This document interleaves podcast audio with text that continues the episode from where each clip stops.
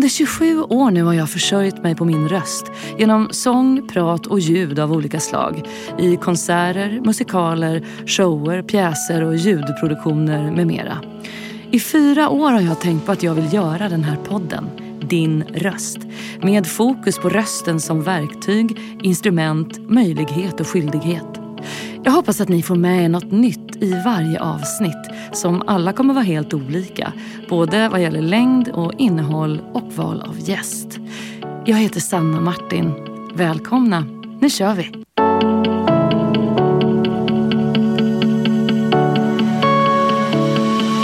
Din röst.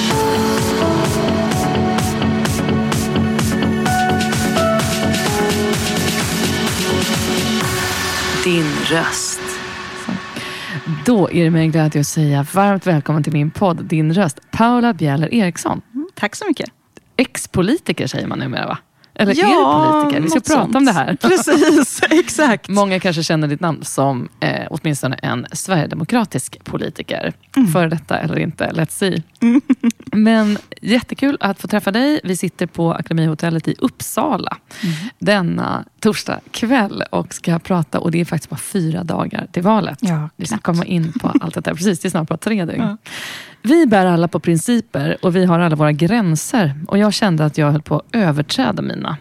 Jag började gå i otakt med partiet samtidigt som jag inte heller kunde bejaka min egen takt. Det har varit svårt att förlika sig med att partiet snarare byter åsikt efter att vi har upptäckt att vi har fler som tycker annorlunda än att nu har vi upptäckt att vi hade fel. Det här är ett citat från en intervju som är ett par år gammal med dig. Var det svårt att navigera i vad som var din röst och partiets röst?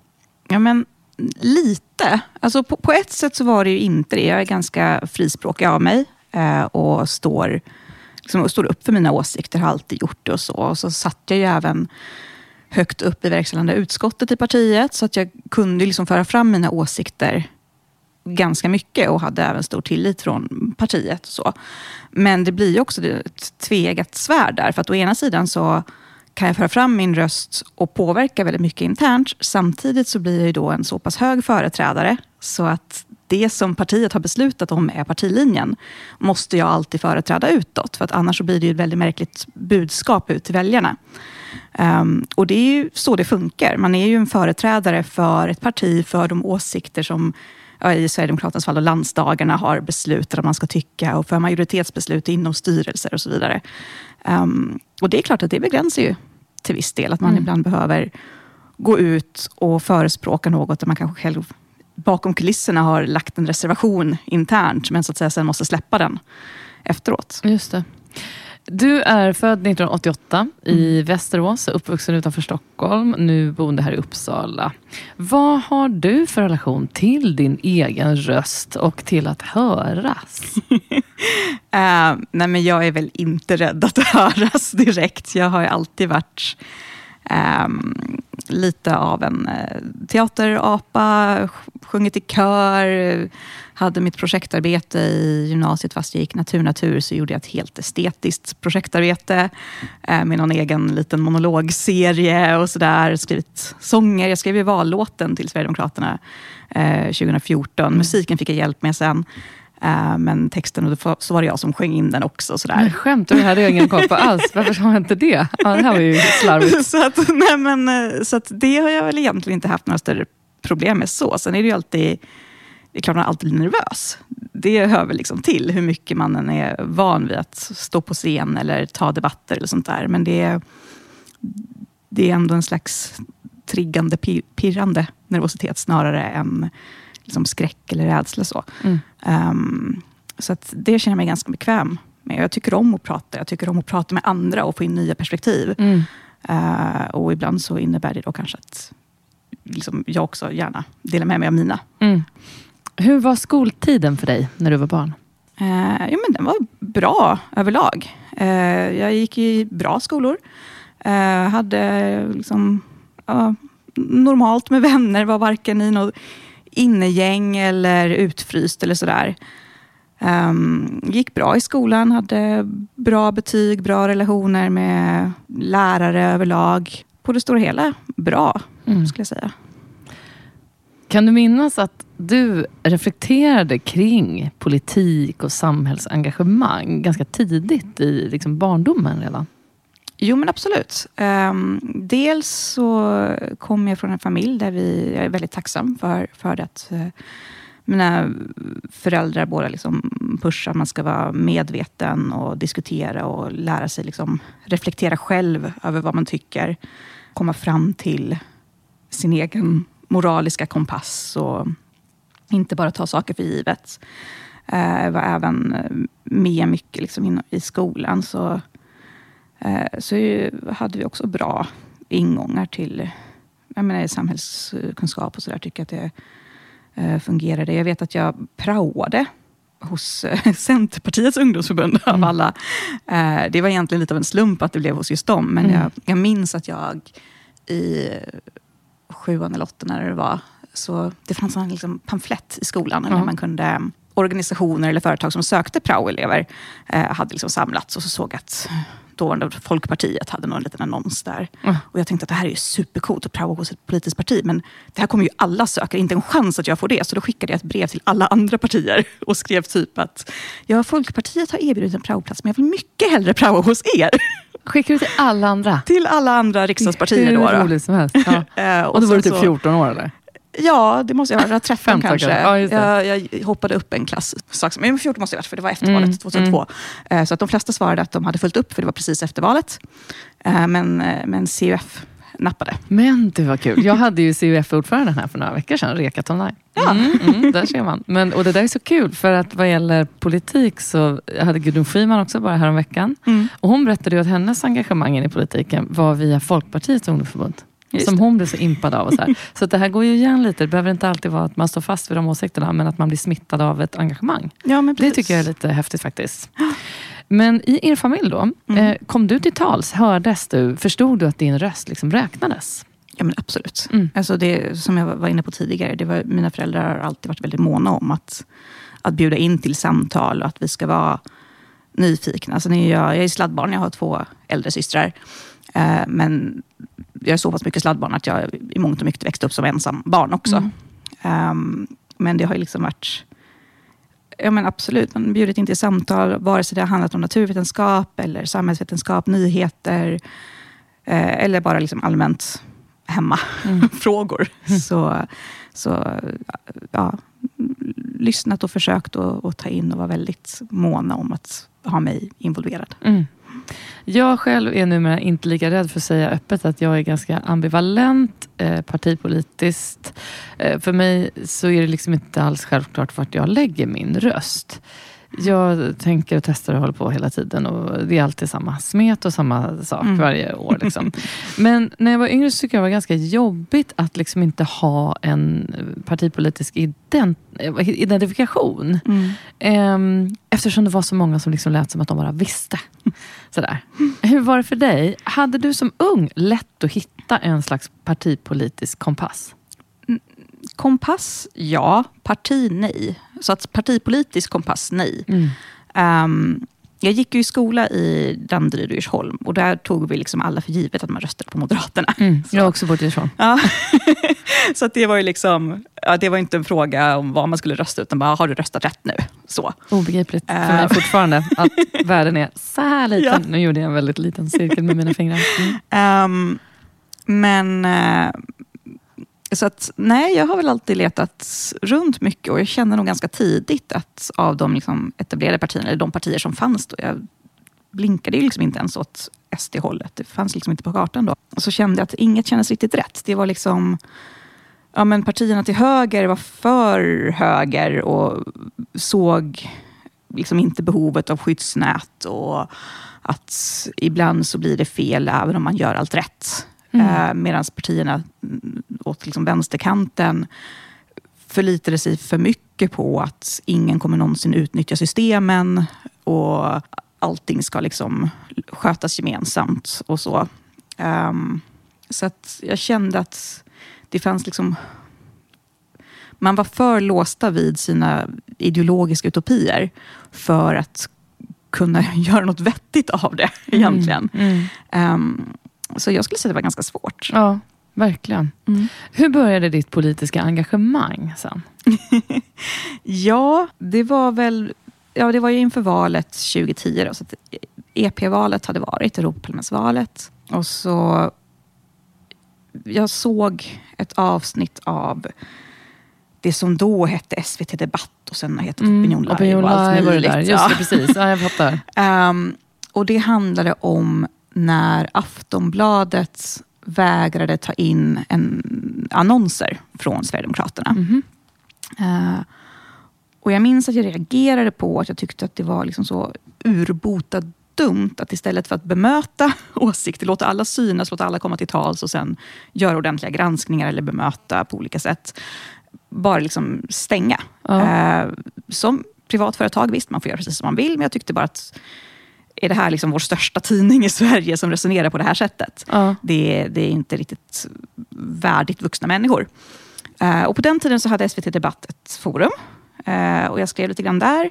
Och så ledde väl det ena till det andra. Jag såg ju flera kommentarer. Jag kände att börja jag debattera det här så måste jag läsa på om vad SD faktiskt tycker. För det kommer glida över, eller det gled snabbt över till att handla om partiet och inte om principen att få höras. Ah. Och så läste jag principprogrammet och kände att men här är det ju några som ligger mig nära. Jag kan liksom, de, de lyfter samma problematik, det här med att både höger och vänster i rätt mängd behövs och i en symbios som liksom hittar balans.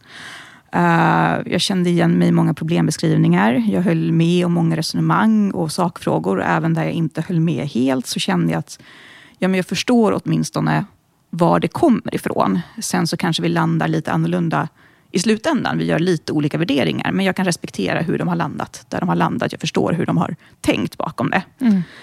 Och då gick det ganska snabbt från att jag hade sett det till att jag också kände att jag ville bli medlem av egentligen flera anledningar. Dels för som sagt det fanns saker där jag inte höll med. Enda sättet att förändra det är att vara medlem.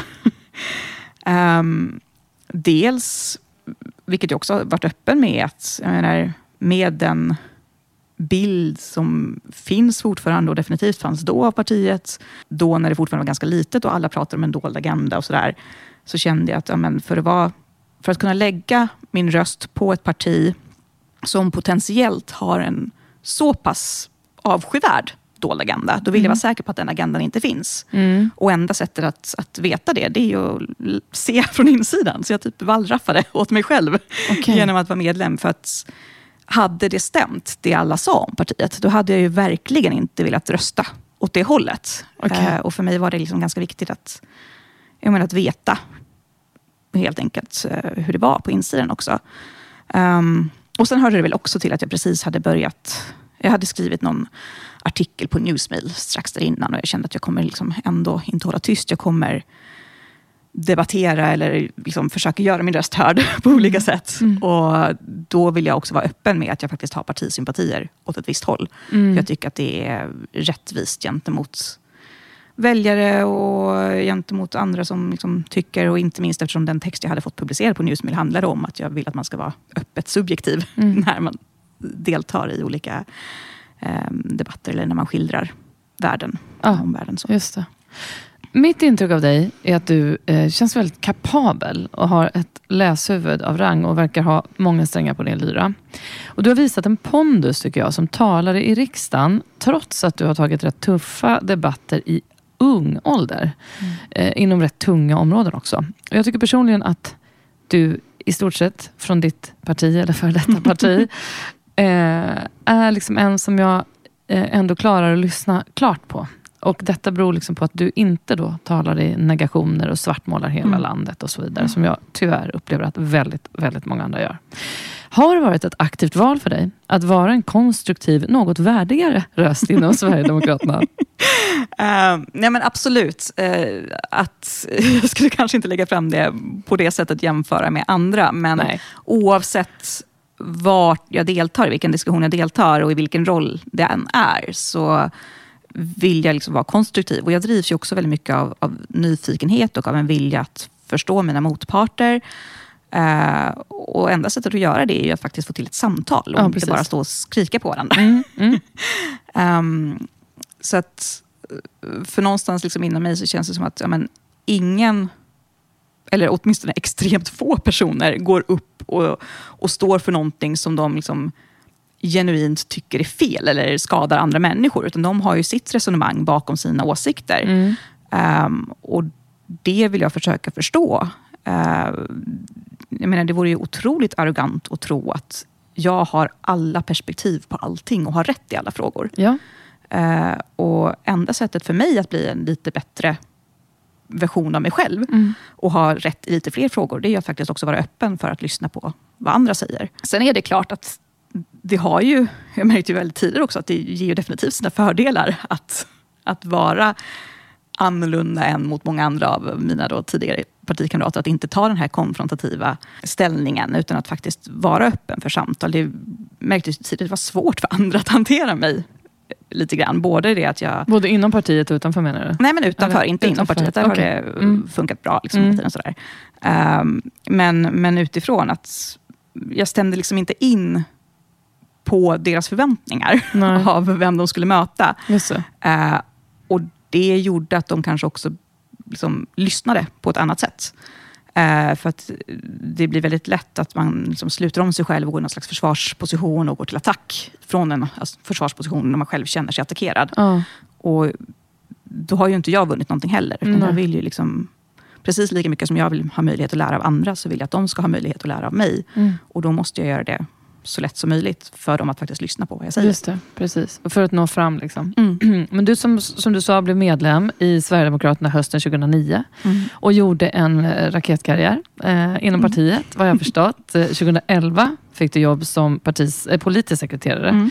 hos den dåvarande vice gruppledaren Mattias Karlsson. Mm. Och 2013 valdes du in i partistyrelsen.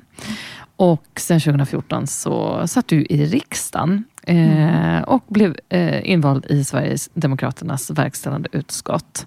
Mm. Och du har ju suttit eh, i både liksom arbetsmarknadsutskottet, socialförsäkringsutskottet, försvarsutskottet, EU-nämnden, Nordiska rådets svenska delegation och krigsdelegationen och varit migrationspolitisk talesperson och bland annat eh, talesperson för jämställdhetsfrågor.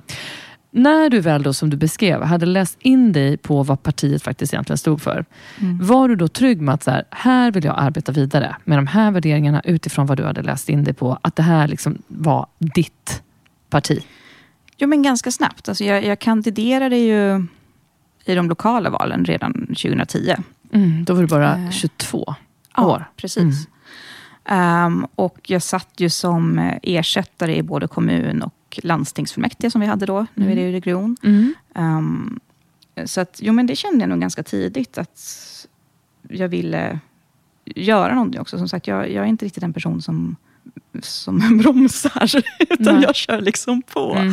Och, och hittar jag att ja, men här har jag ett engagemang, här håller jag med om, om eh, mycket och jag ser potential. Jag ser också saker som jag vill påverka och, Mm. och vara med och, och driva framåt. Mm. Så, så vill jag engagera mig för det. Och du kom ju som sagt in i riksdagen bara när du var 26 Mm. år gammal, 2014. Eh, och jag tänkte på en grej, när vi, jag var i riksdagen ett par gånger under vintern och besökte och var på ett par olika möten i samband med att eh, de här eh, sista krisstöden skulle ut till Mm. kultur och evenemangsnäringen, där jag var ganska engagerad.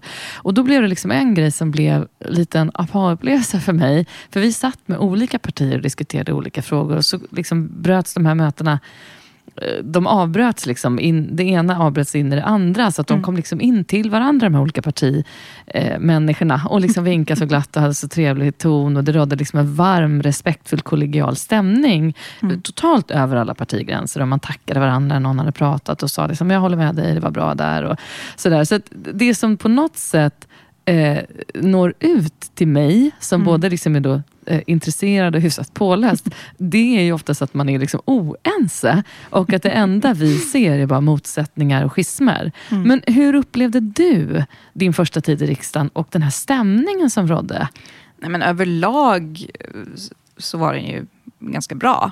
Ehm, sen, jag hade ju ett litet försprång där i och med att jag hade ju både jobbat i riksdagen i några år.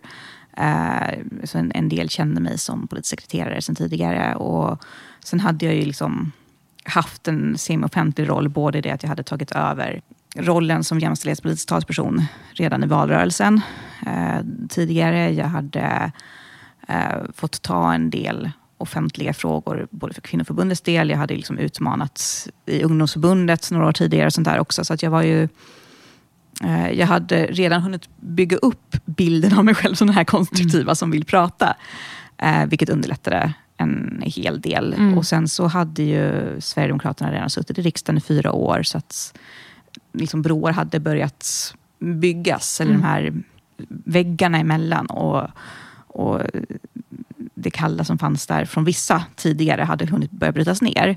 Eh, sen är det ju klart att det är ju skillnad från liksom person till person och det är ju inte alltid en god stämning. Det har, det har funnits tillfällen då jag har tyckt att det har varit otroligt jobbigt. Um, det har liksom varit utskottsresor någonstans ibland när jag var ensam representant från SD. Um, ehm, som jag verkligen liksom inte trivdes på. Jag minns någon gång så bröt jag nästan ihop och liksom gick ut och det var någon delegationsmiddag vi var på.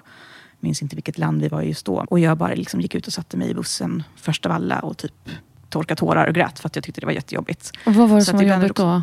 Nej, men då var det både, det, det var precis mitt i migrationskrisen. Den här en, enda veckan som var då Tyskland också hade den dåvarande svenska linjen. Att vi kan klara av allting och vi kan öppna ja, allting. Ja, sådär. Ja. Uh, och jag kände mig så otroligt ensam på den middagen. För att alla andra var liksom inne i någonting som jag tyckte var uppenbart en helt naiv bubbla. Och man pratade också om det på ett sätt som... Ja, men jag minns att det var några företagsledare eller mm, tyska toppolitiker som också... Liksom, det dök upp att ja, men det är bara folk på landsbygden som protesterar. Och jag kände bara, men ni måste ju bry er om hela ert land och lyssna på alla. Liksom, så. Mm. Men då minns jag ju också att när jag väl gick ifrån, jag menar, det var ju fortfarande kollegialt på det sättet att det kom ju folk från andra partier, från princip alla partier, folk som står otroligt långt ifrån eh, och särskilt då stod otroligt långt ifrån mig åsiktsmässigt, men som ändå liksom kom och ville höra hur det var med mig och såg till att jag ändå liksom inte bröt ihop helt. Så, så att alla är ju ändå människor och man ja. ser ju varandra som människor och som arbetskollegor på ett sätt. Även mm. om man Även om man sen... inte har något, liksom, innehar något konsensus där och då. Ja, men precis. Nej, precis. Alltså, de flesta kan ändå göra skillnad på sak och person och det tror jag Alltså det är svårt att inte kunna göra det när man själv är politiker och själv vet hur utsatt man kan bli för sina åsikter av åsiktsmotståndare. Man lär sig mm. nog ganska snabbt att skilja på personen, företräd, liksom personen som står där och företrädaren för åsikter jag verkligen inte håller med om. Ja, just det. Precis. Men vi ska komma in lite mer på det här, men du är ju inte kvar i riksdagen nu. Eh, men vad är det du gör just nu? Ja, jag eh, huvudsakligen pluggar till dietist mm. och är mamma. Um, just nu så har jag precis insett att eh, jag hade hoppats kunna läsa lite mer på dietistprogrammet den här hösten, men det blir nog snarare distansstudie på halvfart i engelska mm. faktiskt av alla ämnen. Eh, sen ansökan, men jätteroligt för att bara ja, trimester tre, gravidhjärna, gravidkropp. Eh, orkar inte med heltidsstudier på campus. Nej, Plus nej. att vi har en snart tvååring hemma som mm, inte har börjat på förskolan. det låter intensivt. Ja, men det, jag har pluggat mycket. Jag, jag räknade häromdagen, jag tror jag har varit inskriven och har kurser från typ sex olika högskolor och universitet eller sånt där nu när Högskolan Väst landar där också med engelskan och det har varit olika allt från lingvistik till civilingenjörsprogram, lärarprogram och så nu då dietist. Men vad, det, det, går ju liksom att använda allt, tänker jag. Alltså, ja, men jag så hoppas det. Tillsammans med Elgiganten vill jag i den här podden belysa det digitala utanförskapet som råder i samhället. Digitalt utanförskap kan både bero på brist på kunskap om digitala verktyg och brist på tillgång till teknik. Utan tillgång till tekniken som behövs kan man inte ta del av den digitala och uppkopplade världen. Olik tillgång till teknik leder både till klassklyftor och att fler människor upplever socialt utanförskap. Elgiganten har en fond vars syfte är att motverka digitalt utanförskap. Genom Elgigantens fond bidrar man årligen med kunskap, produkter och finansiella medel för att motverka utanförskapet i vårt samhälle. Vill du veta mer om Elgigantens arbete för att minska det digitala utanförskapet? Besök då elgiganten.se. Sverigedemokraterna som parti bildades ju 1988 i Stockholm. Mm. Och bland partiets grundare och tidiga medlemmar så fanns det ju flera personer som var tidigt eh, verksamma inom högerextrema kretsar och rasistiska partier och organisationer. Som Bevara Sverige svenskt och Framstegspartiet etc. Och, eh, vi tror att en nationellt inriktad politik är lösningen på många av de problem som Sverige har idag, stod det i partiprogrammet då, 1989. Mm. Och då känner jag så här, när jag läser det här, och du menar, nu är du, eh, kommer mer och mer in på det här, men eh, det är inte det att jag vill att du ska sitta och försvara någonting som stod i ett partiprogram när mm. du var ett år gammal. Eh, men, men så här känner jag lite Paula. Vad, det, det här alltså 1989, då hade man ju alltså inte eh, fri rörlighet. Vi var inte mm. med i EU. Balkankriget hade inte eh, kommit ännu. Vilket gjorde att jag, jag blir lite så perplex. bara, eh, vilka problem ville man lösa då? ja, eh, som sagt, jag var ett år gammal. Ja, men, svara då. Nej, men vad eh. tänker du liksom när du hör det här? Tycker inte du att det låter lite så här, Ja, vad tänkte de att man skulle lösa då? Med tanke på vad som faktiskt har varit er stora, stora fråga. Jo, men det är väl kanske lätt att tänka så. Samtidigt så, jag menar det var inte långt efter det som det fattades Lucia-beslut och Ny Demokrati kom in. Uppenbarligen Precis. så fanns det många som höll med om att det fanns problem redan då. Um, och med liksom en segregation som började växa fram och integrationsproblem och sådär. Sen, som sagt, för min del, när jag engagerar mig jag tittade ju på ursprungligen, liksom, vad har jag för valalternativ när jag ska gå till val som väljare? Mm. Eh, vad står de för nu? Och så utgick jag liksom från den bilden som var där och då. Mm. Och SD tittade jag ju på först runt valet eh, 2010. Yeah. Um, så att jag blickade egentligen aldrig så mycket tillbaka, utan det som var relevant för mig är vad, vilka är engagerade nu? Vad står de för nu? Vad kan de erbjuda här och nu i, i det läge som Sverige befinner sig i just nu. Mm. Och jag har väl egentligen, alltså det är klart att man har fått lite mer och mer liksom titta bakåt och så vart efter. Men det har hela tiden ändå funnits hos mig att det viktiga och det relevanta är ju vad som gäller idag. Jag menar, jag röstar ju inte på något parti för deras meriter för vilka de var för 20, 30, 50 år sedan. Eller vad mm. de gjorde då. För det var ett annat land då, det var andra utmaningar då. Det var andra frågor som var på agendan. Det var ett mm. annat språk man hade mm. överhuvudtaget. Um, alltså bara på en sån sak, om man jämför, om man både läser principprogrammet från 89 och dessutom läser alla tidningar och allt annat som skrevs då, så tror jag att man märker att det var egentligen inte så radikalt. Mm. För Men jag förstår vad du språk menar. och allting förändras och samhällsbild, uh, hur man beskriver den förändras också. Det får man också ta med i sina... Ja, men det ska man absolut ta med sig. Sen har jag tänkt en del på det där. Just att sådär, eh, det är ju tufft att göra sig av med liksom tungt bagage mm. oavsett om man är egentligen liksom längst ut vänsterut eller längst ut högerut. Och ofta kommer det här upp liksom på alla möjliga håll, att man ska mm. försvara en historia, precis som mm. du är mm. inne på. Men jag personligen, jag vet inte hur du upplever nu när du kanske fått en del distans till det här, mm.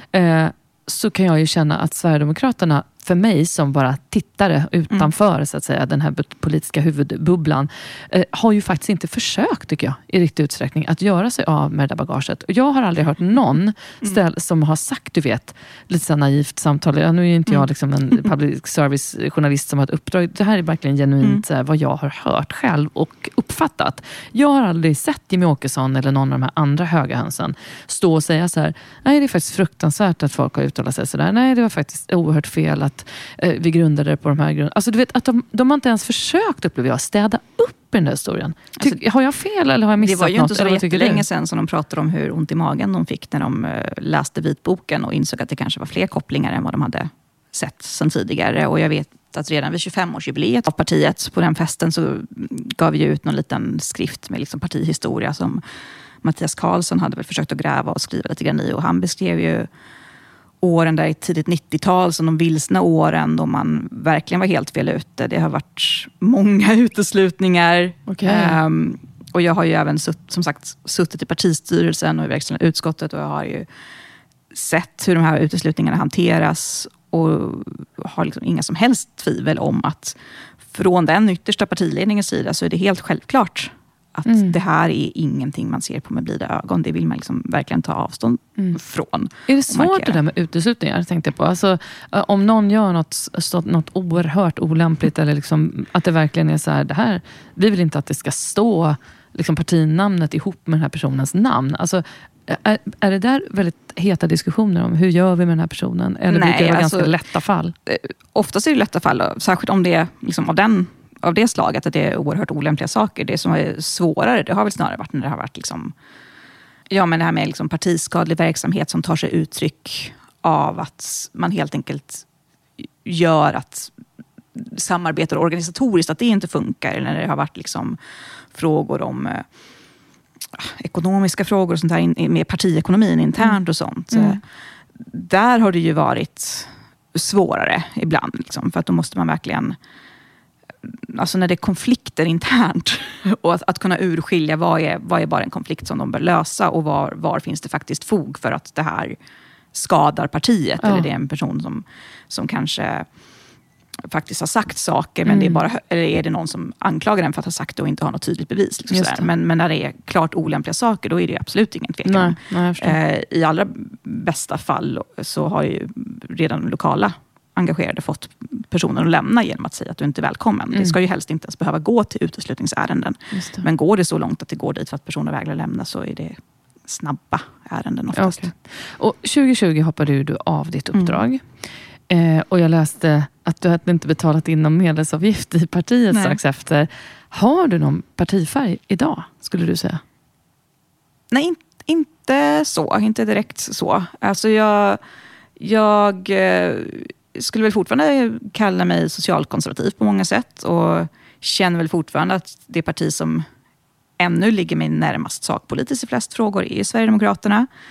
Um, jag uh, hoppas såklart, önskar att, att eh, SD blir det SD där jag känner mig hemma igen. Mm. Um, men samtidigt så har jag också varit öppen med att jag både tycker det är oerhört svårt det här valet. Jag vet liksom inte riktigt hur, hur jag ska rösta. Men, men du har inte röstat? Jag har inte röstat Nej. än. Och du, du, ehm. du tvekar till om... Det är inte säkert om jag tolkar det rätt då, att du lägger din röst på Sverigedemokraterna i år? Det är snarare säkert att jag inte gör det just nu. Det har jag varit öppen med. Att, att jag, även om jag sakpolitiskt fortfarande håller mest med SD. Mm. Alla de anledningar som fick mig att lämna ja, men den utveckling, de förändringar som sker och som har skett ganska snabbt gör att jag i det läge där partiet är just nu och i det läge där jag är just nu så känner jag att jag vet inte riktigt om, om det kommer gälla även om två, tre år.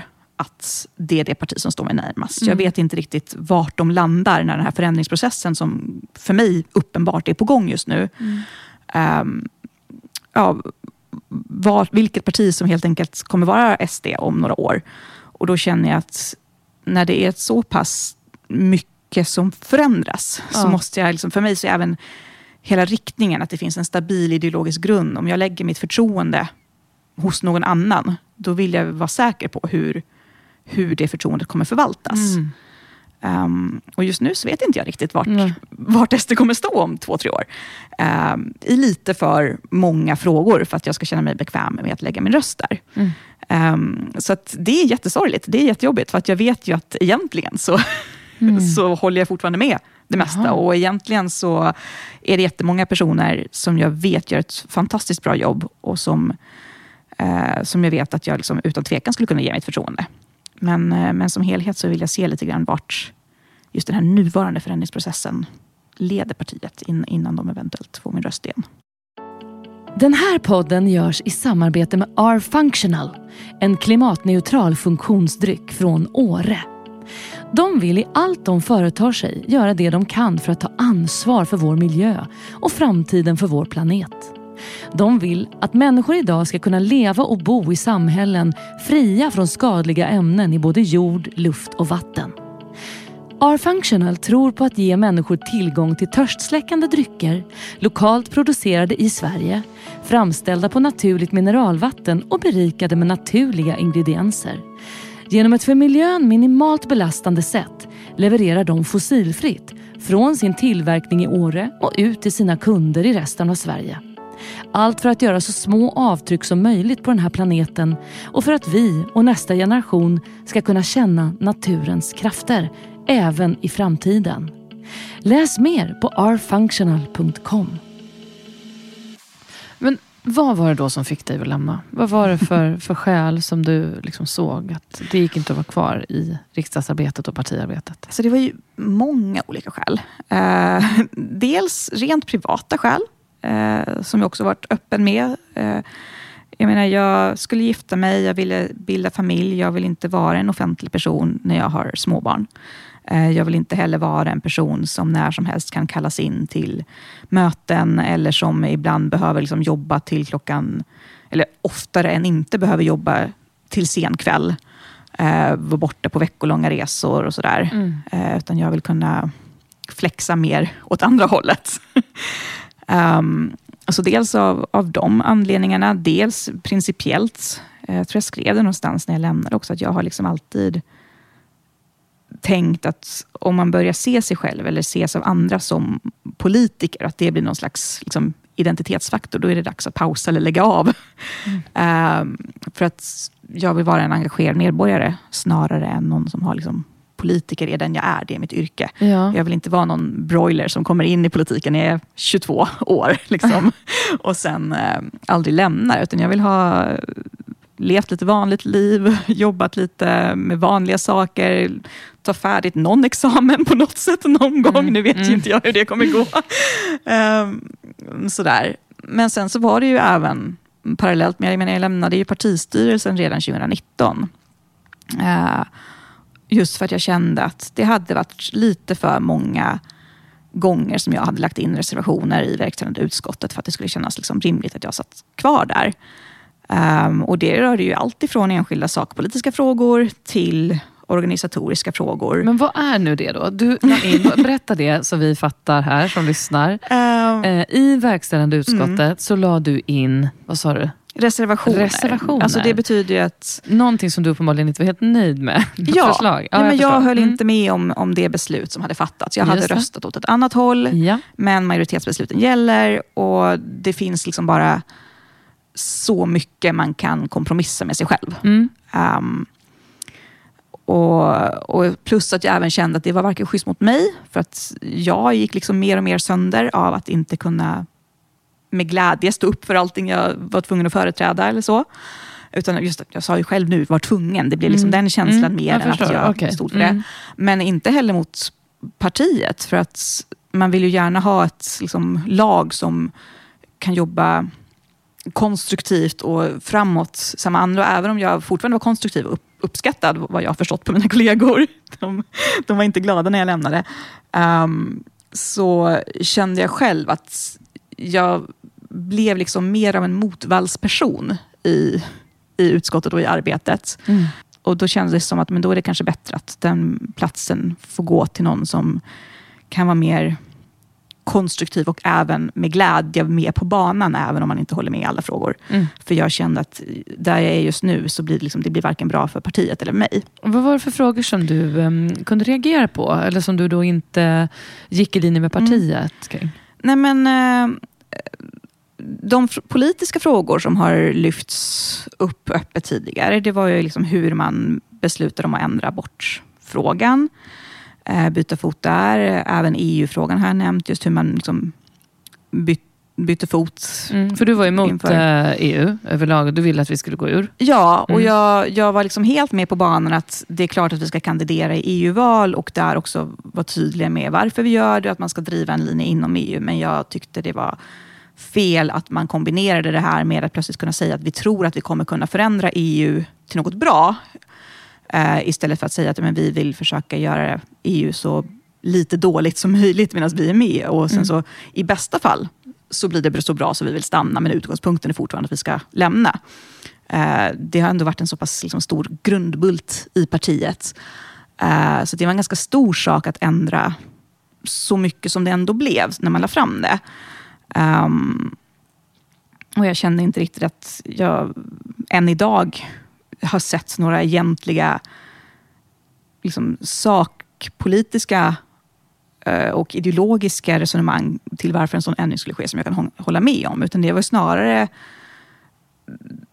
vad jag skulle kalla kanske opportunistiska eh, argument som fördes fram både i, jag menar, den här debatten var ju öppna på, på valkonferenser och landsdagar mm. och sånt där. Um, både i form av att man uh, ja, men behöver ändra sig för att liksom, få till samarbeten, men också att ja, men nu har vi ju fler partier inom EU-länderna överhuvudtaget, så vi kanske kan göra det här till någonting riktigt bra. Och då känner jag, men fast det var ju liksom principiellt som vi var emot det här stora unionsbygget. Det, ju, mm. det är ju det det grundar sig i. Eh, att vi vill ha ett, ett samarbete snarare än en union. Eh, och det ska ju väldigt, väldigt mycket till fortfarande för att liksom landa i att det har blivit så pass bra så att vi liksom ser det som självklart att vara med. Mm. Hur känner du med ehm. NATO? Och sådär? Jag läste ju mig mm. till för inte så länge sedan att till och med Jimmie Åkesson har ändrat uppfattning där. Att vi bör vara med nu mm. eftersom det har hänt sista, sista tiden här med kriget. Och, och där är ju liksom, där, där, ensam är ju inte alltid stark. Eh, men vad känner du kring Nej, men Jag har väl också alltså alltid varit, jag har varit lite mer neutral i NATO-frågan tidigare. Eh, jag har eh, så här, jag, jag, skulle önska att vi inte var medlemmar, men hade mm. ett väldigt gott och väl utbyggt samarbete, precis som vi var tidigare. Jag har, för mig så är det mer en principiell fråga, att jag vill inte och tror inte på den här idén om att ha långsiktiga allianser i förväg, utan jag vill ta konflikt för konflikt. Okay. I det läge där vi är just nu så är det, liksom, det är självklart att det är NATO-sidan vi står på. Mm. Eh, lika självklart som det är att det är Ukraina-sidan vi står på och inte ska lämna i sticket för att de inte har hunnit bli NATO-medlemmar. Utan jag hade gärna gjort ännu mer. Gärna liksom gett dem i princip allt de vill ha. Gärna skickat NATO-trupp om, om det skulle kunna möjliggöra och hjälpa till. så. Um, just för att jag tycker att man ska liksom inte låsa sig i förväg. Um, och man ska inte heller kunna skylla på att någon inte är medlem för att inte hjälpa fullt ut. Um, så att, men jag har samtidigt, jag menar jag är själv engagerad inom försvaret, jag har varit på gemensamma övningar med andra NATO-länder. Jag skulle liksom inte gråta, det sa jag även, även långt innan det här, jag skulle inte gråta om vi blev medlemmar. Men jag tycker det är märkligt och sorgligt att man ändrar sig så snabbt utan någon egentlig debatt i Sverige. Jag vet att jag satt i TV4s nyhetspanel precis när kriget bröt ut och sa det att jag hoppas att vi kan fokusera på hur vi ska hjälpa Ukraina och inte låta det här bli en NATO-fråga. Mm. Um, och jag um, tycker väl dessutom att det är märkligt att ett parti som så pass tydligt tidigare har drivit inte bara att man inte vill gå med i NATO, utan också lyft upp det till en så viktig fråga, en sån fråga av en sån stor dignitet att den bör föregås av en folkomröstning, byter åsikt så snabbt efter några opinionsmätningar där det plötsligt visar sig att det finns en knapp marginal för att gå med och efter att om, liksom, omvärldsläget förvisso har skiftat, men mm. inte heller på ett sätt som man inte kunde förutspå för fem, tio år sedan. Alltså, utvecklingen har ju varit uppenbar under lång tid, vart Ryssland är på väg. Det är så himla mycket och man kan prata om och det föds ju nya idéer ju mer vi pratar. Men eh, du har ju också varit den migrationspolitiska talespersonen mm. under ganska lång tid inom Sverigedemokraterna. Ehm, och eh, det här är ju den frågan som de allra flesta förknippar med Sverigedemokraterna. Och jag tänker mycket på retorik överhuvudtaget. Alltså det är väldigt stor del till att jag vill göra den här podden. Att vi ska kunna få perspektiv som du var inne på tidigare. Att vi ska kunna våga fråga utan att känna oss dumma för att vi inte är experter på något. Mm. Att jag vill kunna få lov i det här forumet att ställa, liksom, inom citationstecken, lite dumma frågor. Mm. Eller lite så folkliga frågor. Mm. Utifrån ett medborgarperspektiv. Um, och jag tänker lite så här. Um, kan du ha förståelse för att många tycker att de sverigedemokratiska värderingarna som liksom man hör går emot ganska fundamentala mänskliga rättigheter och att retoriken liksom i att skicka tillbaks folk som någon slags paket över världen. De som har kommit hit mm. under fruktansvärda former många gånger. Kan du se liksom hur illa den retoriken faktiskt har slagit? Att det är människor vi pratar om. I, i de fall då det har lagts fram på det sättet så skulle jag absolut se det.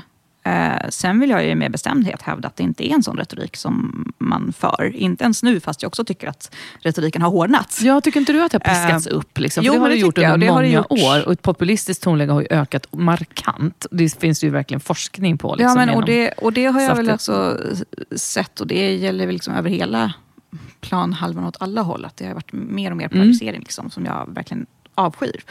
Uh, men jag tycker fortfarande, alltså, när det pratas om att skicka tillbaka, det är ju i, i sammanhang, alltså på det sättet, då är det ju i sammanhang när det handlar om brottslingar som ska liksom dömas till utvisning i samband med att de döms för grova brott de har begått här. Mm. Um, och då tycker jag att det är fullt rimligt. Uh, oavsett liksom vad man har för bakgrund så ursäktar inte det om man uh, mördar, torterar eller våldtar. Då tycker jag att det faktiskt är, mm. är, konstigt om man inte resonerar som en... Då är du inte välkommen här längre.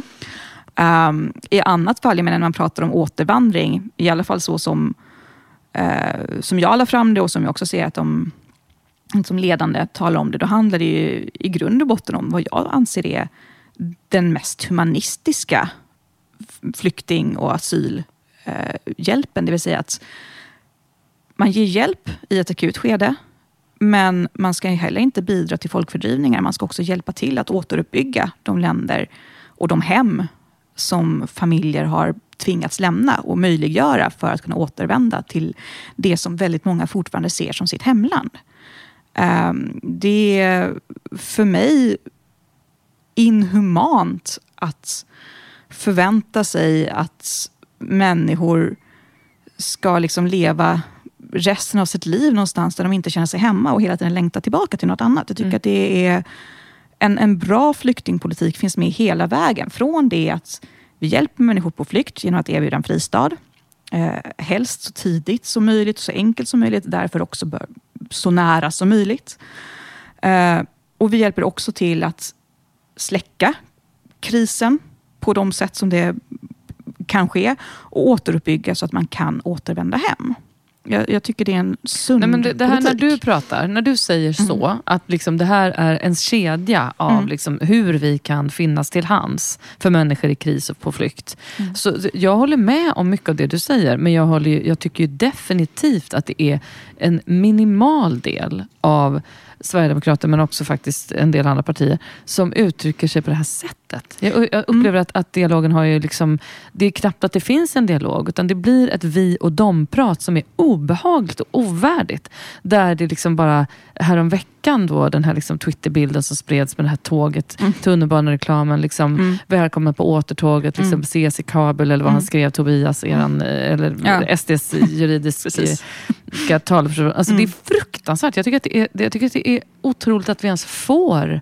Att, alltså, att, han, att, att, det inte blir för... Alltså jag, jag fattar inte att han liksom...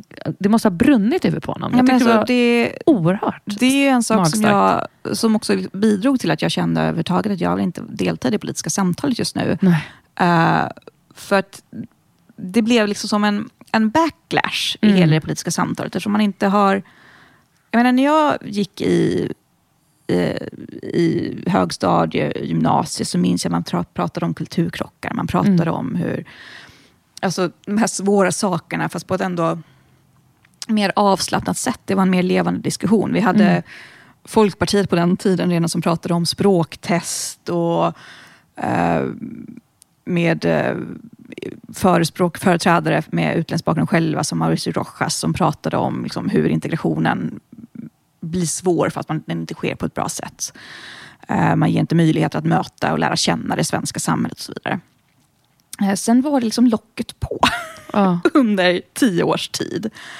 Eh, och sen när det började lossna i samband med liksom migrationskrisen, när det helt plötsligt var okej att byta åsikt, så såg jag så oerhört många Uh, och det gäller inte bara inom SD, utan det gäller ju minst lika mycket, om inte mer, inom alla andra partier som har haft ett hårdare lock på sig.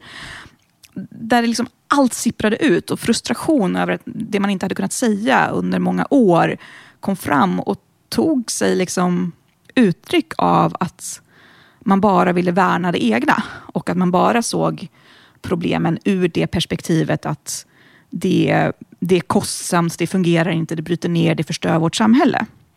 Och alla de aspekterna finns så som migrationspolitiken har skötts. Uh, men för mig så skulle jag säga att det var liksom tre steg i hur jag landade i mina migrationspolitiska åsikter. Det första steget det var just att, att jag eh, kunde se ur invandrares synvinkel att man kom inte in i samhället ordentligt. Integrationen funkade inte. Eh, jag kopplade det också till att det var för hög migration utan ordentliga liksom, mötespunkter. Det blev utanförskapsområden som växte fram och så vidare. Mm. Um, sen kom jag också in i en fas då jag kände att då man såg även mer på hur det här liksom påverkar hela samhället, hur det kostar, vad det har för effekter och sådär. Och sen så kom jag liksom ytterligare vidare och, och, såg till just, ja men det är ju inte ens bra flyktinghjälp. det, det, är ju inte ens effektivt för att hjälpa de mest utsatta eller för att se till så att världen mår bättre. Men det var en process och jag känner att för mig så gick det ändå ganska smidigt. Och, och även när jag var så att säga, inne i fasen att se till hur, hur det påverkar det svenska samhället så fanns liksom det utrymme för att ha med de andra perspektiven hela tiden. Mm. Men jag har varit oroad ganska länge över att jag har sett personer som när de väl börjar lätta lite på det här självcensurlocket så springer de liksom hela vägen förbi andra högerpartier, förbi SD och till liksom extremistpartier i hur de uttrycker sig. Och sen så helt plötsligt när liksom allting, alla helt plötsligt kan prata så absolut har det blivit en hårdare retorik och framförallt att det har landat i det här fokuset att man pratar om ja, men, hur det påverkar svenska finanser, hur det eh, påverkar kriminaliteten bara. Att man liksom inte har kvar utrymme för de här diskussionerna om att men det är ju inte ens bra för de andra invandrare som bor i landet som, som eh, drabbas av att det bara är de eh, som förstör, som får sätta bilden av hur en invandrare är. Eh, om att det är de som bor i utanförskapsområdena som drabbas mest av kriminaliteten från gängbrottsligheten. Eh, vilket också hör ihop med att den har ju flyttat sig in i, tagit större delar av landet, absolut. Men jag menar, om det var en fem, sex år sedan eller sånt där, då körde ju SD en väldigt tydlig kampanj med just det här att det handlar liksom inte om varifrån du kommer eller, eller vad du gör, utan det handlar om huruvida du bygger bilar eller bränner dem, huruvida du liksom mm. går till jobbet eller inte. så. Och då fanns det utrymme att ta den diskussionen och jag tycker att det utrymmet har minskat. Ja, det har det ju definitivt gjort också, ja, men hur vi pratar med mm. varandra. definitivt. Men jag ser ju liksom bara siffrorna. Liksom att det, 2016 när eh, vi pikade fullständigt så mm. migrerade ju 163 eh, 000 människor till Sverige. Mm. Och 2021 eh, var det 90 000. Mm. Eh, det säger sig självt att liksom vi här, jag, jag, personligen ser inte ett problem med de här siffrorna och de här människorna mm. och deras behov och att vi kan vara med att vara humanitära. Men är det inkörsporten i hur vi gör det? Är det systemen? Är det sättet att integrera och bygga ett samhälle? Är det där det diffar? Eller hur tänker du? Alltså för mig så ser jag dels eh, problem med eh, siffrorna i det att jag egentligen ser problem med asylsystemet. Eh, för att, men som jag var inne på tidigare, jag vill att man ska ge hjälpen så tidigt och så nära som möjligt. Och jag vill inte heller att det ska löna sig att kringgå de olika system som finns med liksom, eh, flyktingläger på plats, med eh, första landsprincip. Eh, för att ta sig till ett visst land och för att kunna göra det dessutom behöva anlita smugglare, alltså farliga vägar. Eh, vi har båten liksom, nu som har varit Medelhavet med personer i en oerhört utsatt situation. Som ändå har liksom landat i att det är risker värda att ta. Och det har de inte gjort i bara för att de flyr för något hemskt, utan också för att man lovas saker här. Um, jag vill inte bidra till att upprätthålla det systemet. Jag tycker att hela liksom, asylsystemet behöver reformeras i grunden. Man behöver planer för hur man kan upprätta eh, första liksom, kontroll, sök hjälp här, platser så nära olika kriser som möjligt och sen hur man eh, i nästa skede liksom, lägger upp var man kan få hjälp kortsiktigt, var man kan få hjälp långsiktigt eventuellt och hur pass långsiktigt det ska vara och hur man ska kunna återvända hem. Men tittar man på liksom Syrienkrisen till exempel så var ju det i stort sett helt omöjligt. För att det är ju en helt annan tradition liksom i andra länder runt omkring. Det finns mm. en kulturell motsättning, det finns religiösa motsättningar, det finns liksom gamla eh, liksom krigsrelationer. Eh, mm. Alltså det är ju ursvårt. Alltså jag förstår hur du rent bildligt ser det. Att säga, men det här hade varit bra att lösa där. Men det är ju i stort sett i min värld. Alltså, hur skulle det gå till? Jag förstår inte hur det skulle vara möjligt. Nej, men, och, alltså, absolut, det är liksom ingen enkel lösning. Utan det, det krävs ju oerhörda insatser och förhandlingar. Jag skulle vilja se att man jobbar långsiktigt på att få fram just planer för varje enskilt land. Om, om ni skulle vara kris här, om ni skulle vara grann, grannland till en kris här, vad, vad, skulle ni kunna erbjuda? Vad skulle ni behöva för stöd från oss som är längre bort för att kunna erbjuda det? Mm. Uh, att man jobbar med um, biståndstankar som som skulle kunna liksom göra en win-win-win situation där man kan investera i att bygga eh, sjukhus och infrastruktur i de landområden som skulle bli flyktingläger. Eh, där de personer som flyr skulle kunna utbildas och jobba för att mm. ha ett värdigt liv under tiden de är på flykt. Eh, där det land som erbjuder plats skulle kunna få de här strukturerna på plats, få högteknologiska sjukhus och där biståndet till och med skulle kunna vara investeringar som så småningom sen blev helt ekonomiskt neutrala för att mm. eh, man bygger liksom upp strukturer som kan bära sig själva efter ett tag. Att man tänker mer bredare på hur det ska kunna lösas. Och jag säger inte att det är någonting som man kan få på plats så nej. idag. Liksom. Nej, nej, Men jag skulle önska att det perspektivet fanns med och att mm. man jobbade mer åt det hållet.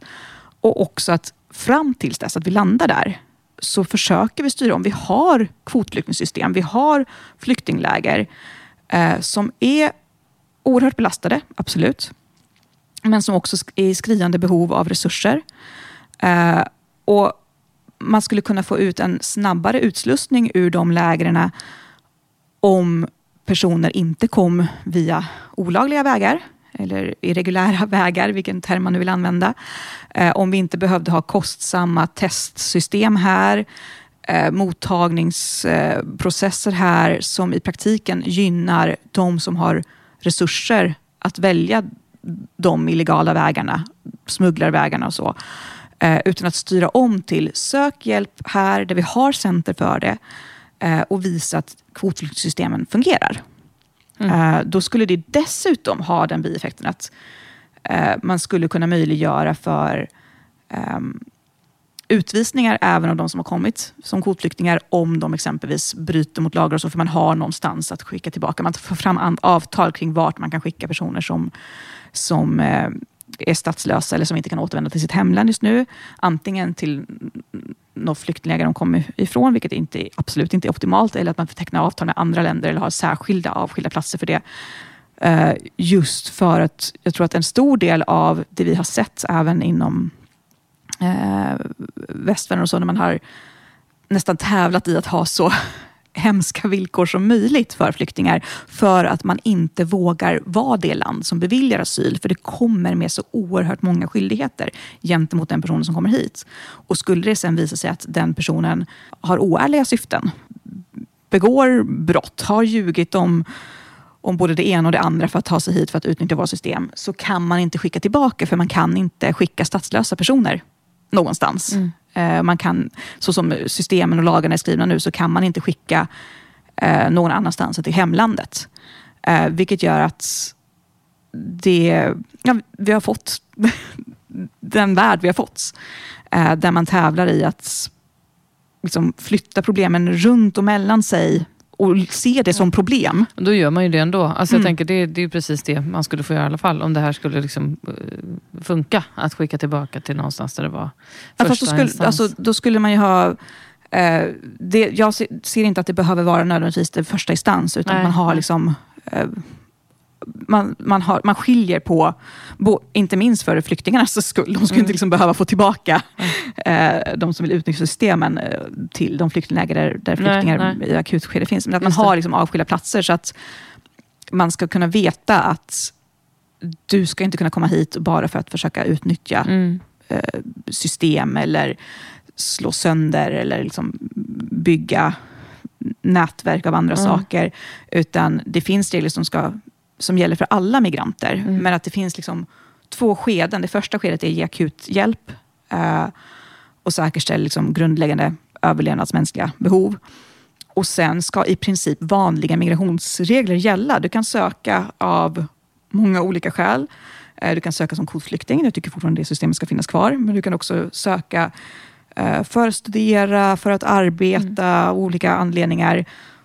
Och det ska då vara förknippat med att du kan också bli utvisad om du inte följer de reglerna som gäller för migration. Men det här blev ju eh, din fråga i ja. eh, Sverigedemokraterna. Och, eh, alltså jag, när du pratar om det, så ba, känner du att du skulle vilja jobba vidare med sådana här frågor på Absolut. sikt? Att du brinner för den här frågan? Absolut. För det känns som att du är väldigt engagerad i olika möjliga lösningar och mm. att du också har liksom en egen liten linje som inte helt går i eh, nuvarande Sverigedemokraternas eh, linje. Ja, jag vet inte om de har ändrats nej, men alltså, jag, det kanske de har. De har antagit ja, massa ja, nya. Men vet du, det vet egentligen inte jag heller by the book, så om det är så. Mm. Jag, jag hann eh, resonera, eller tänka ganska mycket på det, så att jag hann liksom utveckla mina tankar mer än vad som kanske han förankras ner och sipprar ut överallt i partiet. jag förstår. I alla fall. Jag förstår. Mm. Men jag tänkte på det här, det här har du fått prata om ibland mm. också. Och Det här var verkligen ett, en... Eh, det här kan ju ses som en fördom, kanske vissa tycker. eh, men jag, jag är nyfiken genuint på hur det går ihop att du har en familj med judisk bakgrund mm. och hur man kan känna sig bekväm. För jag, liksom, I den sverigedemokratiska liksom, airen, om man säger, mycket som har påtalats från SD-håll är ju det här med svenskhet. Och, eh, trots att man är född här men inte mm. liksom, och känner till något annat hemland så upplever ju en del att de ska liksom försvara att de får höra till en svensk community. Och du är ju född här. Mm. Och, liksom, och här, du har ju själv liksom, blivit kallad för judehora i något sammanhang i politiken. Hur, hur förhåller du dig till det här Paula? Och, Alltså, tycker du frågan är konstig? Tycker du själv att frågan är så här, äh, åh, folk frågar mig om det är hur jag kan vara sverigedemokrat, eh, när jag, eller har kunnat vara? Alltså både ja och nej. Eh, jag, jag har ju fått den så många gånger så att mm. jag knappt reagerar på den längre. men, så. Okay. Och, jag, och som jag var inne på tidigare, jag vet ju vilken bild som finns av partiet. På, mm. så att, utifrån den så förstår jag att man ställer frågan. Äh, även om tack och lov så är väl den bilden allt svagare. Äh, men jag menar, om man tar det exempel du nämnde med judehora. Äh, första och enda gången som jag mötte det exemplet var när det var ett uteslutningsärende på vårt bord. Liksom. Eh, och när mina kollegor i partistyrelsen kollade hur jag mådde och jag var med det här är som vilket uteslutningsärende som helst. Det är klart att den ska ut. Det är därför jag har hamnat här. Liksom. Um, så det är ingenting jag har märkt av så. Men för mig så är det egentligen, alltså, kanske just för att jag har växt upp med utländsk bakgrund men ändå känt att det har aldrig varit ett hinder för mig. Jag, jag kan ha med, nu är jag väldigt dålig på polska, jag förstår mer än vad jag kan prata, men jag kan liksom ha med delar av det, jag kan vara, ha det den bakgrunden och jag har ändå alltid känt mig som en del av samhället för det. Jag vet att det går att kunna bli en del och jag önskar att alla som bor någonstans ska kunna få ha den ynnesten att få känna sig hemma och att de bor i sitt hemland. Mm. Eh, det är liksom det är väl kanske snarare just därför som det har varit så självklart för mig att, att prata om en öppen svenskhet, att bjuda in, att se till så att vi har ett mottagande i paritet med att vi klarar av att välkomna till oss. Mm. Så jag tror att mycket av de stora liksom, problem och anklagelserna mot SD som har funnits och fortfarande finns, är att vi under så pass lång tid har haft en så kallad integrationspolitik där man har liksom tvingat sig själv att den ska vara aktiv. Den ska ha massa olika liksom, program och åtgärder och insatser som ska göras, ska satsas på. Så ska du gå igenom det här och sen ska du vara integrerad. Mm. Och när vi då pratar om att vi vill, eller ja, nu säger jag själv vi, ja, men det är liksom, jag är inne i den rollen. Jag som har pajat det för Nej, men När man pratar om en vilja att att eh, snarare då assimilera, om man använder det ordet, eller öppen svenska, till liksom bjuda in i samhället och att alla ska kunna bli svenskar. Eh, så tänker folk att det ska ske på motsvarande sätt. Att det ska finnas en slags program och åtgärder och in i det här och sen kommer det ut blond och blåögd och är svensk. Liksom. Mm. Eh, och det är ju inte det det handlar om. Utan för mig, och så som jag alltid har läst principprogrammet och så som eh, jag försökte tala om det när jag var integrationspolitisk talesperson, och som jag upplever att SD fortfarande talar om det överlag, så handlar det snarare om att ge förutsättningar att lära känna det land du bor i, det folk du liksom delar utrymme på jorden med. Eh, och att det finns en möjlighet att bli en del av samma samhälle. Att du ska liksom inte behöva vara utanför, ett, Mm. ett innanförskap så att säga. Ehm, om man ser till partiledardebatten som var kvällen innan valet förra gången. Eh, och det här ögonblicket då Annie Lööf avbröt Jimmy Åkesson. um, och pratar om hur uttrycker du dig egentligen. Det han sa då, det var ju liksom bara halva hans mening som citerades. Man citerade bara delen ja, men för att de är inte svenskar. Och han fortsatte med, för vi har inte liksom gett dem möjlighet att bli det. De har inte hunnit bli det än. Uh, och just att det ligger liksom i, i, i själva bilden av det, att du är inte bunden till att alltid ha vissa åsikter eller en viss identitet bara för att du är född någonstans. Eh, du ska inte tvingas lägga den åt sidan eller på hyllan eller gömma den. Men det innebär inte heller att du inte kan ta till dig något nytt. Ja, jag, Och- jag reagerar liksom på hela den här tanken på eh, att man är så besatt av den här svenskheten. Det har liksom, jag, jag har suttit så frågande ibland framför tvn när sånt där kommer Mm. upp. Så här, men de är inte svenskar och då blir det till dem, det blir en vi och dem problematik som jag tycker är väldigt dum. Och sen liksom det här svenska. Jag är både född och delvis uppvuxen Mm. i Belgien. Mm. Jag gick aldrig omkring och trodde jag skulle bli belgisk. Jag, jag, liksom, jag levde där och anpassade mig till att Mm. leva där, men jag var ju inte mindre svensk för det. Eh, ofta mer. Liksom. Men, men förstår du, jag, jag förstår inte den här liksom, besattheten av svenskhet. Nej, men, men nu bor du ju här igen. Ja, också. ja. Eh, och, eh, alltså det, det som jag ser är ju även att det, det blir liksom lite skillnad i perspektiv. Min, min grundtanke och min grundperspektiv är att jag vill att så många som möjligt ska kunna ha någonstans där man känner sig hemma Mm. och kunna eh, få ha den platsen som sitt hem också. Mm, mm. Även om man under perioder av sitt liv bor någon annanstans eller emigrerar och eh, kanske återvänder hem. Ja, ja. Men jag tycker också att det återspeglas då. Är det så att man har som, som målsättning att ha något land som sitt permanenta land resten av livet. Mm. eh, Så tror jag att det både för samhällets skull och för den egna individen i de flestas fall eh, är bra att ge möjlighet att kunna känna sig hemma där. Eh, För många så kommer det att innebära kanske att man anammar den identiteten också. Eh, för vissa kanske det blir att man anammar den identiteten helt Mm. och låter den andra mer eller mindre bli allt mindre del av sig själv. Eh, och för ytterligare andra så kanske det blir så att man känner sig som någon slags permanent turist men trivs med det. Eh, men jag tror att det för samhällets skull är bra om det finns någon slags grundläggande gemenskap där man åtminstone ska kunna känna att man förstår och respekterar. Och om man inte till och med känner att man själv är del av det. Mm. Jag, jag tror i grunden att det är ett ganska mänskligt behov att kunna ha någon slags tillhörighet och inte känna sig utanför. Mm. Mm. Du blev utbränd 2016 när du bara var 28 år. Det Mm. reagerade jag på när jag läste. Att jag kände bara, hjälp, vad liksom händer i det där himla huset? Om de bränner ut en 28-årig engagerad människa. Vad, vad tänker du kring den tiden? Jag har Ja. själv ingen erfarenhet av att bli utmattad eller utbränd för Mm. mitt arbetes skull. Ibland tänker jag att det är, i så fall är det livspusslet som skulle bränna Mm. ut mig. Eh, men vad berodde det på? Var det liksom bara tiden och kraften du la på ditt jobb? Eller kunde du se andra Alltså, saker?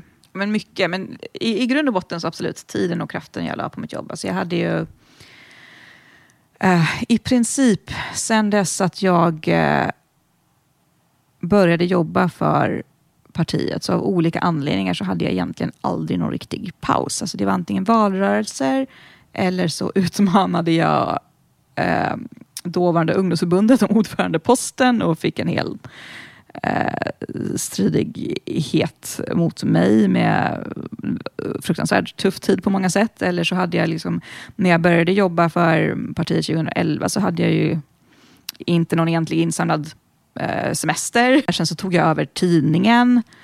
Och det var också i samband med någon sommar och jag skulle liksom jobba och skapa en helt ny tidning. Och så fick jag ju ganska tuffa frågor som, eh, som jag förvisso brann och brinner för.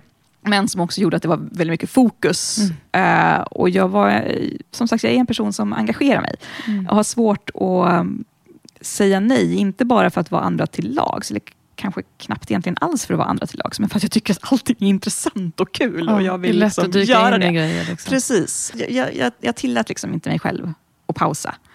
Ehm, och sprang runt på det ena och det andra och hjälpte till med kommunikationsavdelningen. Och jag var runt och turnerade land och rike runt. Med, liksom jag hade ju någon period jag turnerade med liksom Jimmy, Mattias och Rickard på någon slags, och var en slags konferencier samtidigt som jag var liksom, ledde någon podd och drev vår tidning och var talesperson. Och liksom, eh, något tag så var jag känd som SD-kvinnan för jag var den enda kvinna som Mm. tilläts få mycket plats. Mm, och då menar det jag inte, inte av om. partiet Nej. utan av medier. För Ja, att, jag har faktiskt Ja. funderat på det. För det, du är ju typ den enda kvinnan som har varit synlig, upplever jag också. Som Mm. också är lite intresserad av liksom, politiska landskapet. Så tycker Mm. jag också, du är ju den som man har sett. Mm. Eh, men när jag träffade Gudrun Schyman för ett par veckor sedan Mm. så pratade vi om det här med just liksom bevakningen och liksom, eh, ja, hur media faktiskt eh, Mm. beter sig kring liksom kvinnliga politiker Mm. jämfört med de manliga. Och att hon kunde ju dra liksom ganska många exempel på när det varit helt annorlunda sätt. Och som, Mm. där hon, där, hur det har rapporterats kring henne och så vidare. Upplevde du också det så här att du hade liksom andra slags ögon på dig? Men alltså, för just min del ehm, så var det väl snarare så att det var liksom att jag kanske, man ville extra ofta ha mig med, för man ville inte bara ha SD-män. Utan man ville ha någon, någon kvinna också. Och sen så brydde man sig liksom inte om att fråga mina kollegor, fast de var väldigt duktiga. Utan det var mig man ville ha av någon anledning. Liksom. Mm. Eh, delvis för att jag också kanske var den som bodde närmast Stockholm och kunde lätt. Men också för att jag är en person som har lätt för att prata och ta plats och liksom aldrig varit rädd eh, för att ta sådana roller. Ehm, så att jag tackar ofta ja, Ja. som sagt. Ehm, utan det jag upplevde som var mest liksom att jag behandlades annorlunda än mina manliga kollegor var att jag alltid fick frågan, hur är det att vara kvinna och sverigedemokrat? Ja, det, liksom. okej. det var liksom den frågan. Ja, Okej. men precis. Mm, mm. Um, men däremot så, jag menar absolut, jag har ju sett andra, eh, hur andra kvinnor får fortsatt andra sorters frågor. Mm. Man, man kanske pratar liksom om allt ifrån eh, föräldraskap på ett annat sätt än vad man gör med män. Oh ja, till det gör vi ju. Och det kommentera klädsel och utseende. Jag menar, det, det har jag ju sett bland det kommentarer. Att det får ju, men det gör man ju även på män. Oh ja, och det gör du ju också i andra branscher. I Ja, liksom artistvärlden eller i näringslivet. Exakt. Och det, är liksom, Så att det, det finns ju det fortfarande finns det mycket att jobba på. Alltså. att jobba på. Mm. Jag brukar alltid fråga alla så här, eh, nu är det ett valår i år. Vad gör ett riksdagsval med dig? Ja. Och det är ju så knäppt för att alltså, dels har vi pratat om att du inte har bestämt dig än Mm. Och vi har pratat om att du har hoppat av ett Mm. riksdagsarbete och ett partipolitiskt engagemang. Mm. Eh, men, och nu har du ett par dagar på dig att landa i ett beslut. Men du ska få Mm. svara på en fråga från en föregående Mm. gäst Mm. som jag hade häromveckan. Det här är från Henrik Oskarsson Ekengren. Ja, är hon från Faktiskt, Sverigedemokraterna längre? Och jag vet Det inte vad hon återstår gör. att se, men jag ska träffa henne och fråga typ just det. Ja, min fråga blir väl mer personlig då till Paula. Så här, har du tappat sugen på politiken? Det är en bra fråga. Den tar vi. Vad säger du Paula? Har du tappat sugen? Ehm, det beror på vad man menar med politik. Eh, ja, eller hur? Åh, vilket bra svar. Det gör du ju verkligen. Ja, nej men alltså inte samhällsintresse och politik som helhet. Där, du har ju hört själv, jag har massa tankar och idéer. Jag Mm. skriver krönikor, jag kommenterar, jag vill fortfarande förändra samhället. Så. Mm. Eh, däremot partipolitiken och eh, det politiska spelet och hur det liksom, så som liksom, verket politik Mm. är idag. Definitivt. Jag är så oerhört trött på allt ifrån hur man eh, väljer liksom in eh, hur retoriken är, hur diskussionerna är. Alla tycker, även om alla tycker nästan lika så ska de liksom hugga på varandra till liksom hur, hur det funkar i riksdagen. Jag menar när man gick i, i högstadiet och lär sig om hur vårt system är uppbyggt så läser man att ja, men och så sitter det utskott och i utskotten så debatterar man och överlägger med varandra och så har man själv suttit där och bara nej, man säger att vi röstar på vår motion och sen är det klart. Liksom. Mm. Alltså, jag vill ha ett politiskt system där de enskilda ledamöterna är personligt valda, får fundera över frågor på riktigt, där vi inte tävlar i att lägga flest motioner och flest förslag. Eh, och vilket resulterar i att vi har liksom 6-7 tusen olika yrkanden, om inte fler, varje år som i princip bara avslås per automatik för man la samma förslag förra året och året innan dess och året innan dess. Utan när vi faktiskt tar förslag, tar fråga för fråga, debatterar den ordentligt, låter den stötas och blötas, där jag som sitter i riksdagen och trycker på en knapp vet vad det är jag röstar om. Mm. Och inte röstar för att någon kollega i något annat utskott har landat i vad som är rätt åsikt, utan där jag har haft tid att sätta mig in i, jag har kunnat lyssna på debatterna och fatta ett aktivt beslut. Jag tror att det skulle vara mycket mer konstruktivt. Mm. Och skulle också göra att vi landade i beslut som förhoppningsvis stämde bättre överens med folkviljan för att vi skulle faktiskt kunna representera våra väljare på ett helt annat sätt. Mm. Mm, jag förstår. Mm. Du har ju ett litet barn och mm. ett till på väg ganska snart. Vad skulle du säga att du helst vill att dina barn får med sig av dig ut i livet? Nyfikenhet och eh, att eh, och det är väl kopplat till det, att alltid liksom våga fråga och, och, våga lyssna på sig själv. Men även på andra. Mm. Hur vill du helst använda din röst framöver? Oh, ja. Nej men alltså jag skriver ju fortfarande eh, krönikor. Mm. Vilket jag är oerhört tacksam för. Att jag får en, en uh, output där för att kunna påverka och kommentera. Jag har absolut lekt med tanken om att skriva någon eh, bok eller två om eh, allt möjligt. Om allt från särartsfeminism till eh, allmänt om demokratiutbyggnad och att försöka liksom motverka den här skräcken för att påtala brister i de demokratiska system vi har just nu. För det, det blir ju lätt så att om man påtalar att men här är det något som inte fungerar optimalt så får man emot sig att men då är det emot demokratin. Ja, men den ser ju helt olika ut i massa olika länder. Och det finns ju det här kända citatet att det är liksom inte nödvändigtvis bra, men det är det minst dåliga vi har. Och det mm. kan alltid finnas ännu bättre system. Jag har liksom idéer på vad man bör göra med valsystemet för att få det ännu bättre så att färre, än, ännu färre känner att de eh, liksom, tvivlar på hur det fungerar. För det finns ju tyvärr många som tvivlar på eh, valsystemet. Eh, Och det är ju inte bra i en demokrati. Det måste ju finnas en tillit där.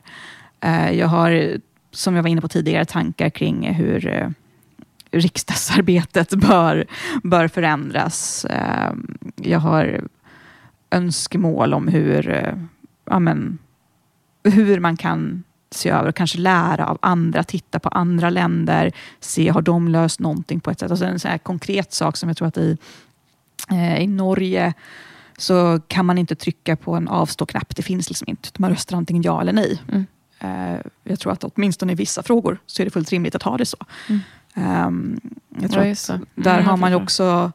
Och det är liksom ingen som kallar Norge odemokratiskt bara för att mm. de har valt en annan nej, nej, nej. väg. Jag fattar. Mm. Um, så, så att, men att, att liksom se över. Så där har jag massa tankar jag skulle vilja fördjupa mig i mm. och så småningom kunna samla i någon slags bok, utredning, vad vet jag. Um, och ja, sen så har jag väl fortfarande någon slags flickdröm någonstans om att spela in lite fler låtar. Det är också ett sätt att använda sin röst. Där, gud, jag som alltid tar upp kulturpolitik, och så här, jag har inte pratat någonting om det. Så här. Här sitter en liten så här, äh, sångerska mitt emot mig. Ja, just nu så är min röst äh, alldeles för blir oanvänd. när man är gravid. Också. Ja, jo, det, det när man är gravid faktiskt. och när man inte har sjungit regelbundet ja, ja. på lång Nej, tid. Men precis så. Alltså. Men alltså, let's see.